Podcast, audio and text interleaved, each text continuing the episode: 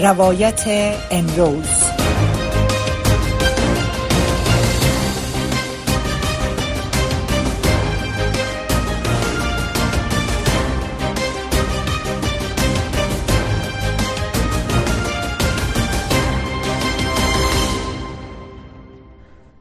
بینندگان و شنوندگان عزیز رادیو آشنا صدای امریکا سلام و وقتتان بخیر. امیدوارم در هر کجای که هستین صحت و سلامت باشین و برنامه ما را تعقیب بکنین.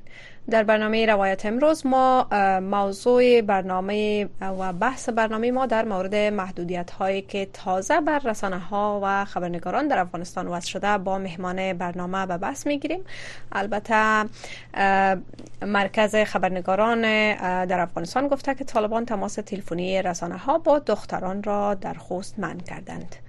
به سلسله وضع محدودیت ها بر رسانه ها و فعالیت رسانه ها در افغانستان توسط طالبان مرکز خبرنگاران افغانستان از ممنوعیت تماس تلفنی دختران با رسانه ها در ولایت خوست خبر دادند. این مرکز امروز یک شنبه 25 فوریه با نشر یک اعلامیه گفته که قماندانی امنی ولایت خوست با فرستادن مکتوب بر رسانه ها هشدار داده است که از فراهم کردن زمینه برای هر گونه تماس تلفنی و البته خودداری بکنند. با گفته مرکز خبرنگاران افغانستان هرگاه رسانه از این دستور سرپیچی بکنه مسئول آن احضار میشه و تحت پیگرد طالبان قرار می‌گیره در همین مورد و همچنان بعضی از محدودیت های دیگر که در گذشته در طول در طول حکومت طالبان و سلطه حکومت طالبان در افغانستان بر رسانه ها و خبرنگاران وضع شده ما مهمان برنامه را داریم با خود که آقای عبدالله سلجوقی فعال رسانه‌ای و یکی از خبرنگاران آزاد را از آلمان با خود داریم که ایشان را خوش آمدید میگیم و از طریق تماس مستقیم با ما در برنامه همراه هستند سلجوقی صدای ما را میشنوین. خوش آمدین با برنامه.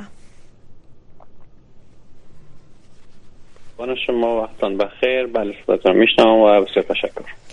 خب قسم که شما هم خبره که البته خبر در مورد محدودیت تازی که بر رسانه ها در افغانستان وضع شده سوی حکومت طالبان در مورد این گونه محدودیت ها و همچنان محدودیت های دیگه که در گذشته بر رسانه وضع شده را چگونه می‌بینین؟ آیا تا چی زمان این محدودیت ها بر رسانه ها ادامه خواهد داشت و فضا برشان برای کار و فعالیت رسانه ای محدود ساخته خواهد شد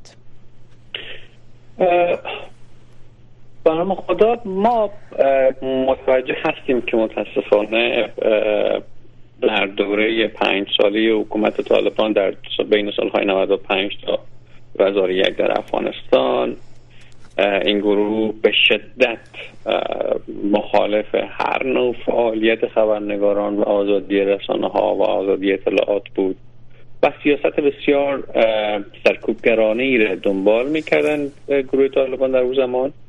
و عملا ما با یک تک صدایی در افغانستان مواجه بودیم که هر روز شدیدتر و شدیدتر می‌شد. تنها تریبون های موجود برای اشاعه اخبار و رسانه ها در درون افغانستان رادیوی صدای شریعت بود و روزنامه های دولتی که در نقاط مختلف افغانستان وجود داشت و نشریه های دولتی. طالبان 20 سال حکومت دموکراسی و دو دهه جمهوریت در افغانستان تمامی فرمول های فکری مردم تغییر داد و مردم عادت کردند و پذیرفتند و مزه و طعم وجود رسانه های آزاد و اثرگذاری رسانه های آزاد و خبرنگاران در جامعه حس کردند و به همین دلیل بود. هر گونه اعتراض و تظاهراتی که در افغانستان انجام می‌شد پوشش داده می‌شد و صدای حق مردم به گوش مقامات رسانیده می‌شد و به گوش جهانیان رسانیده می‌شد. و کم و بیش حالا به صورت کجدار و مریض هر از گاهی پاسخ دریافت می‌کرد. اعتراض مردم به نحوه حکومت داری یا هر نوع سیاستی که در افغانستان اتفاق میافت. اما ظرف دو سه سال اخیر که حکومت طالبان دوباره بر سر قدرت آمدن ما شاهد تلاش بی حد و اندازه و پیگیر گروه طالبان هستیم برای بازگرداندن افغانستان به شرایط دهه 90 میلادی. و به همین دلیل تلاش می‌کنه گروه طالبان تا رسانه ها را برایشان دو تا انتخاب سر راهشان قرار بده. یک یا تبدیل به مراکز پروپاگاندای حکومت طالبان می‌شوند و تنها اخبار برنامه ها و بلوتن هایی را پخش بکنند که موافق نظر طالبان و عملا مبلغ سیاست های و تبلیغ کننده سیاست های طالبانی است. یا اینکه مجبور شوند دروازه رسانه خود ببندند خبرنگار بیکار شود شغل دیگری انتخاب بکند یا اینکه افغانستان را ترک کنند. و در طول این سه سال گذشته این تمرکز بیش از حد بوده. و ما شاهد یک پراکندگی یا یک انارشی در بین حکومت طالبان هم هستیم. یعنی هیچ نهادی نیامده. مستقیما شیوه سیاست گذاری خود با رسانه ها یعنی رسانه ها را مشخص بسازه باشان بر سر یک دستورالعمل مشخص به توافق برسه که بر, اساس بر آن اساس رسانه ها مجبور هستند انتشار به نشر اطلاعات بپردازند. از یک سو استخبارات گروه طالبان که شدیدترین برخوردها رو با خبرنگاران و رسانه ها داره وارد عمل میشه. در مورد آخر که بیشتر شما گفتن در مورد خوست اداره پلیس یا قومندانی امنیه این ولایت آمده وارد عمل شده. در مواردی اداره اطلاعات فرهنگ وارد عرصه میشه و در بعضی بیشتری از موارد اداره امر معروف و نهی از منکر. این هست که رسانه ها در یک سردرگمی بسیار وحشتناکی به سر می‌برند و علا رقمی که در طول دو سه سال گذشته برنامه های خود از پخش موسیقی گرفته یا برنامه های آزاد دیگه یا فعالی حضور مجریان زن در رسانه ها تا حدودی آمدن عقب نشینی کردن و وادار شدن در واقع که مجبور باشن سیاست حکومت طالبان را بپذیرند باز هم ما شاهدی هستیم که هر روز تلاش بیشتری صورت می‌گیره. در واقع با یک قدم عقب نشینی که رسانه های افغانستان درون افغانستان انجام میدند شاهد پیشروی چهار قدم گروه طالبان هستیم. و این عرصه روز به روز تنگتر و تنگتر میشه. این هست که من فکر می‌کنم که هنوز هنوز که هنوز هست طالبان فکر می‌کنن که شرایط شرایط ایدئالشان نیست از راز فعالیت رسانه‌ای در افغانستان. و باز هم ما احساس می‌کنم که این, این نگرانی که دارین بیشتر خواهد شد نسبت به آینده رسانی افغانستان. و فکر می‌کنم که هنوز هم در آینده نزدیک می‌تونه شرایط سختتر و سختگیرانه تری بر افغانستان و در جامعه رسانه کشور حاکم بشه. بله. خب آقای سالجوقی با آن که در دو سال نیم گذشته تحت حاکمیت طالبان با وضع محدودیت هایی که بر رسانه ها و در کل کار خبرنگاری در افغانستان وضع شده محدودیت هایی که وضع شده همیشه با انتقادهای شدید از نهادهای مدافع حقوق خبرنگاران و رسانه ها و در کل این انتقادات هم ملی بوده و هم بین المللی بوده. سوی نهادهای بین المللی صورت گرفته. ولی با که این محدودیت ها لغو نشده و کم نشده روز به روز بیشتر شده به نظر شما چرا حکومت طالبان بیشتر بر رسانه ها که اکثرا صدای مردم را به مردم میرسانند و بر نهادهایی که در بیرون از افغانستان در بخش کار می‌کنن از چی ترس دارن چی را می‌خواین که به بیرون از افغانستان انتشار داده نشه در کل؟ و این محدودیت ها روز به روز در تحت حاکمیت طالبان بیشتر شده میره. ببینید طالبان به دلیل اینکه می‌خواهند دوام حکومتشان و دوام حکومتشان در افغانستان بیشتر از آن حدی باشه که در دوره نخست حکومتشان در دوره پنج ساله دهه 90 تجربه کردند به این دلیل بر این واقف هستند که باید از سوی کشورهای جامعه جهانی و قدرت‌های بزرگ دنیا به نوعی حالا اگر به رسمیت شناخته نمی‌شوند به نوعی به عنوان یک دولت در افغانستان جهان با آنها کنار بیایه. به همین دلیل هم هست. اما خب از یک طرف حساسیت های جهان در قبال حکومت طالبان داره. از اون حساسیت ها یکی بحث حقوق بشر هست یکی بحث حقوق زنان هست یکی بحث سرکوب بی حد و حصر فعالان زن, زن حقوق زن در افغانستان. رفتارها که ضد حقوق بشری شدید و افراطی که در افغانستان جریان داره کما اینکه در دو سه هفته اخیر مشاهده تیرباران و اعدام هایی در ورزشگاه ها و موارد دیگه باشه بودیم که در شبرغان هم ظاهرا اعلامیه دادن در روزهای اخیر.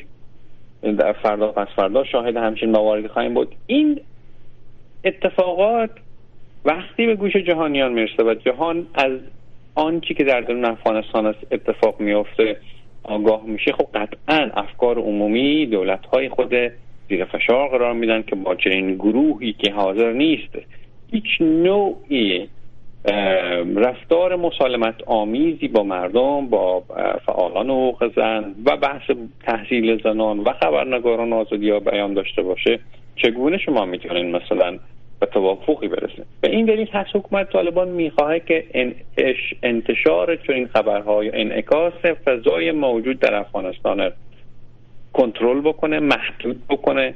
و دنیا در یک بیخبری هرچه بیشتر قرار بگیره شاید راه معامله و ارتباط گرفتن با کشورهای دنیا را بتونن بهتر مثلا مدیریت بکنن. یک بحث است و به این دلیل در کنار این به همین دلیل هم هست که در کنار اون بر گزارش هایی که ما داریم عده یوتیوبر استخدام شده و به آنها ماهاش پرداخت میشه که بتانن یک جلوه و یک چهره دیگری از افغانستان چهره که در او همه چیز به صورت گل و بلبل امن وضعیت اقتصادی عالی شبها مردم در امن و امان زندگی می‌کنن و در این به این شیوه انکاس پیدا بکنه تا به نوعی چهره حکومت طالبانی تلتیف بشه. به همین دلیل اگر هر نوع فعالیت رسانه‌ای در افغانستان بخواه معنی این پروژه حکومت طالبان بشه و احساس بکنن طالبان که مزاحمتی برایشان ایجاد می شود همین هست که سریعا روند متوقف می‌کنن. کما اینکه ما شاهد این بودیم دو سه رسانه های بین که در افغانستان از جمله صدای آمریکا رادیو آزادی و رسانه های اینچنینی بی بی سی فعال بودند اونا را نشراتشان قطع کردن به دلیل اینکه نمی‌تونستن آنها را بر این مسیری که حالا حکومت طالبان روی دست گرفته همراه بسازن. به این دلیل من فکر می‌کنم که این وضعیت ادامه خواهد داشت. و در کنار او من تصور می‌کنم که این من تماس به رسانه ها تنها در محدود به ولایت خوست نخواهد ماند و معمولا سیاست طالبان همینطور هست. در یک ولایت, یک ولایت کوچک از یک بخشی از افغانستان شروع می‌کنند و سریعا این سیاست ها گسترش پیدا می‌کنه و همه گیر میشه. بله.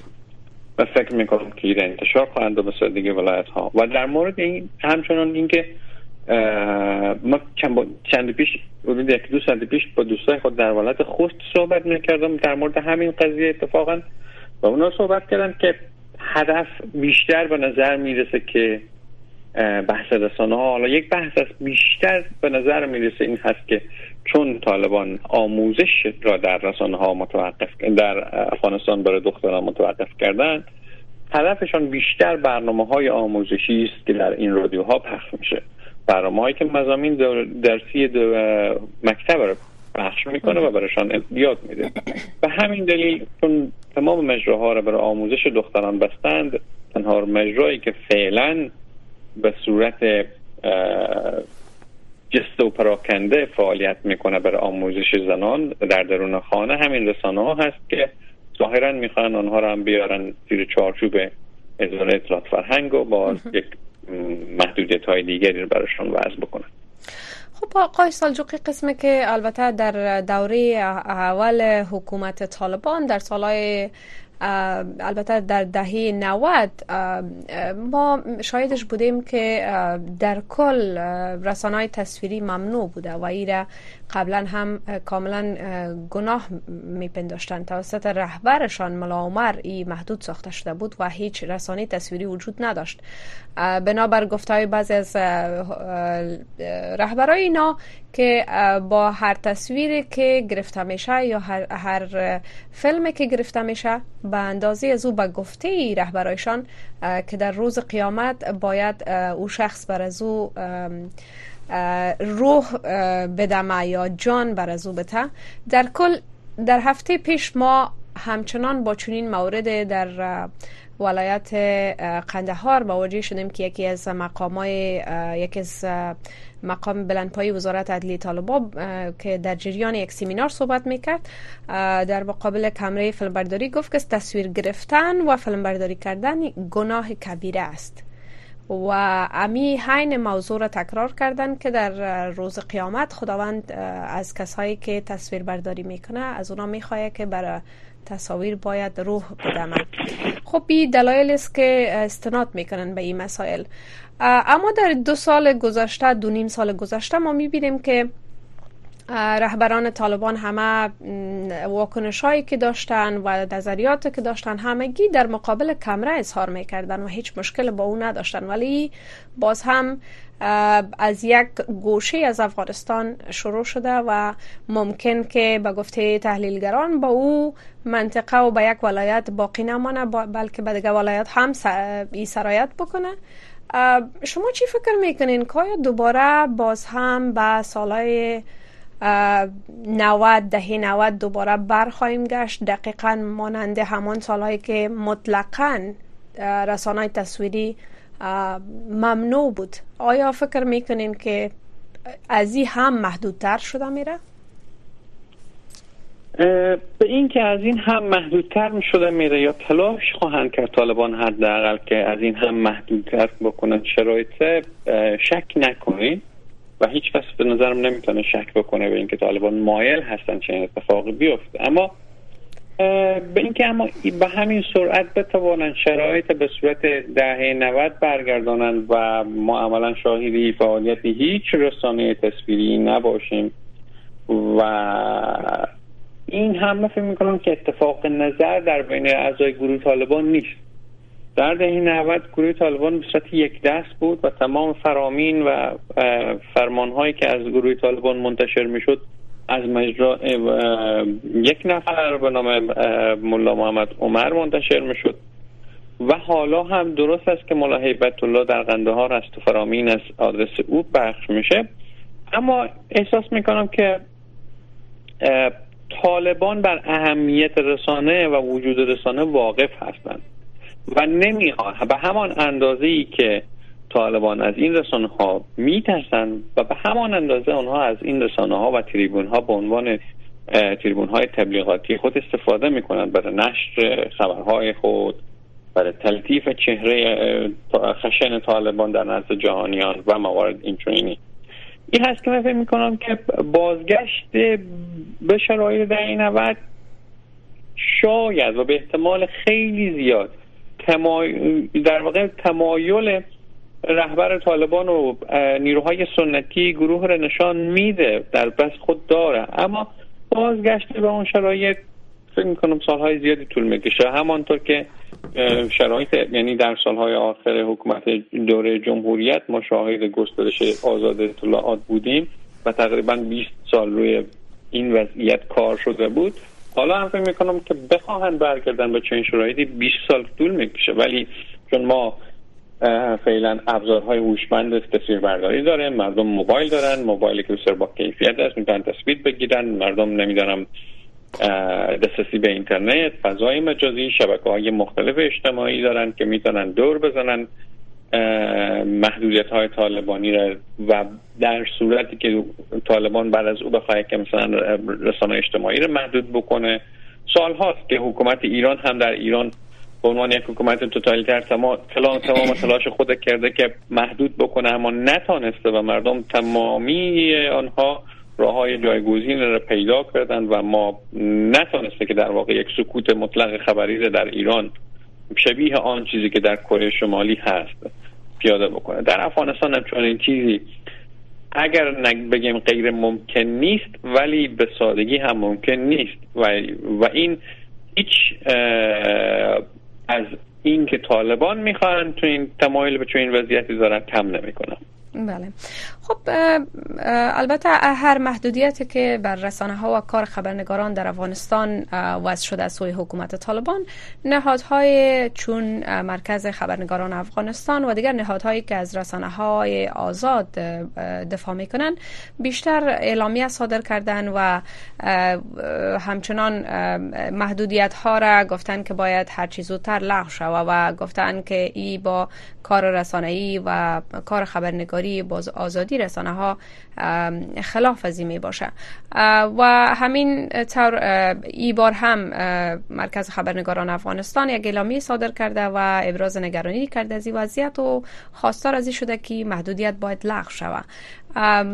در کل شما مسئولیت نهادهایی که در بخش رسانه های آزاد کار می‌کنن و بیشتر این مسائل را بررسی می‌کنن. شما مسئولیت این نهادها را در چی می‌بینین؟ در این دو سال نیم گذشته البته همواره ابراز نگرانی کردن اعلامیه صادر کردن ولی هیچ بر وضعیت جاری در افغانستان و وضع این محدودیت ها تاثیر مثبت نداشته بلکه محدودیت ها به نحو ای اعلامیه ها نادیده گرفته شده از حکومت طالبان. فکر می‌کنین که چی کار را چی روی کرد را در پیش بگیرن تا حداقل محدودیت های تازه بر کار رسانه ها وزن نشه پس از این.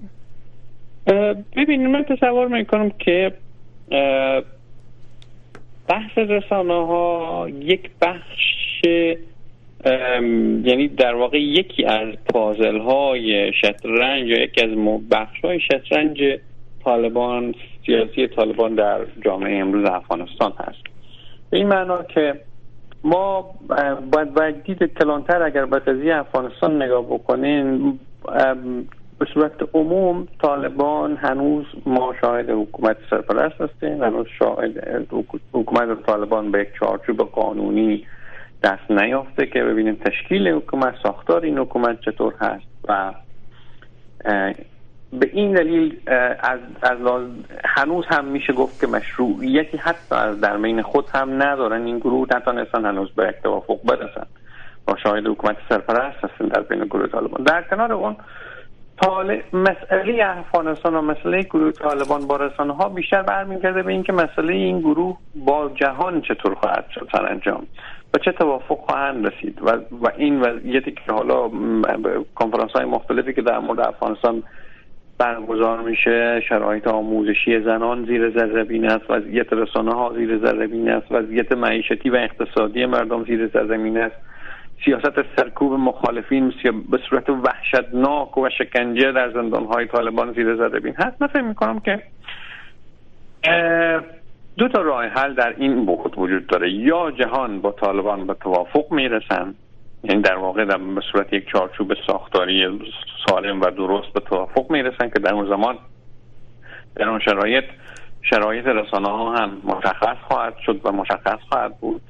یا اینکه همین وضعیت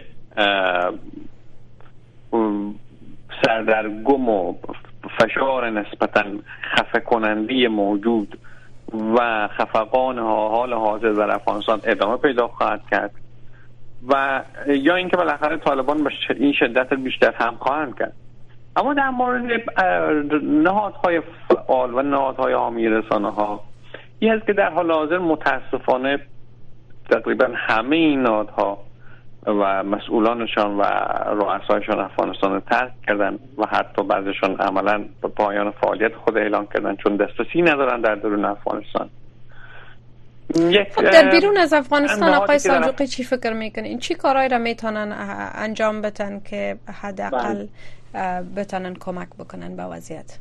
بله عرض نکردم چند نهادی هم که در درون افغانستان حضور دارن متاسفانه آنها هم زیر فشار هستند و عملا نمی‌تونن اعتراض گسترده ای بکنن یا به لحن شدیدتری علیه طالبان اعتراض کنن. است که در حال حاضر تنها کاری که اینا می‌تونن بکنن همین هست که از از طریق کانال های ارتباطیشان با کشورهای مختلف دنیا و جوامع بین کمک بکنن که وضعیت افغانستان هر روز بیشتر از روز قبل برای دنیا شفافتر باشه به آنچه که بر سر مردم افغانستان و جامعه رسانی افغانستان می‌گذاره. و آمار بندی بکنن. کما اینکه به ما می‌بینیم که هر سال انتشار گزارش هایی که در مورد وضعیت آزادی بیان و وضعیت خبرنگاران در افغانستان منتشر میشه حاکی از این است که نهادهای بینالمللی حداقل دسترسی به اطلاعات دارن و مشخص است که چقدر خبرنگار زندانی شده در طول یک سال چقدر خبرنگار شکنجه شده و چقدر رسانه بسته شده و چقدر بیکار شده. این هست که چون این وضعیتی میتالن طالبان به نوعی وادار به عقب نشینی بکنه یعنی گزارش دهی و به نوعی افشاسازی چون این روندی. و می‌تونن از طریق کانال های ارتباطی خود تا حدودی این کشورها مقامات کشورهای بزرگ دنیا رو در جهان قرار بدن تا به این طریق طالبان بیشتر زیر فشار قرار بگیرن. و در این شرایط راههایی برای آموزش خبرنگاران هم هست که چگونه می‌توانند همزمان با اینکه بهانه دست طالبان ندن یا به نوعی بتانند محدودیت های طالبانی را دور بزنند بتانند تا حدودی موفق به ارائه گزارش و بخش خبر از درون افغانستان بشن بله. خب اگر مختصر بفرمایید بگوین که اگر چنین وضعیت باز هم ادامه پیدا بکنه در آینده های نزدیک و آینده های دور در طولانی مدت آینده کار خبرنگاران و رسانه های افغانستان را چگونه می‌بینیم؟ ما در طول همین دو سه سال گذشته هم شاهد افت جایگاه جایگاه افغانستان از لحاظ دسترسی آزاد به اطلاعات و همینطور آزادی بیان در بین کشورهای دنیا بودیم که ما سقوط بسیار سرسام‌آور و وحشتناکی را تجربه کردیم در بین کشورها. و من فکر می‌کنم که این سقوط همچنان ادامه خواهد داشت در طول هفته ها و سال ها و ماه های آینده اگر وضعیت همچنین ادامه, ادامه داشته باشه.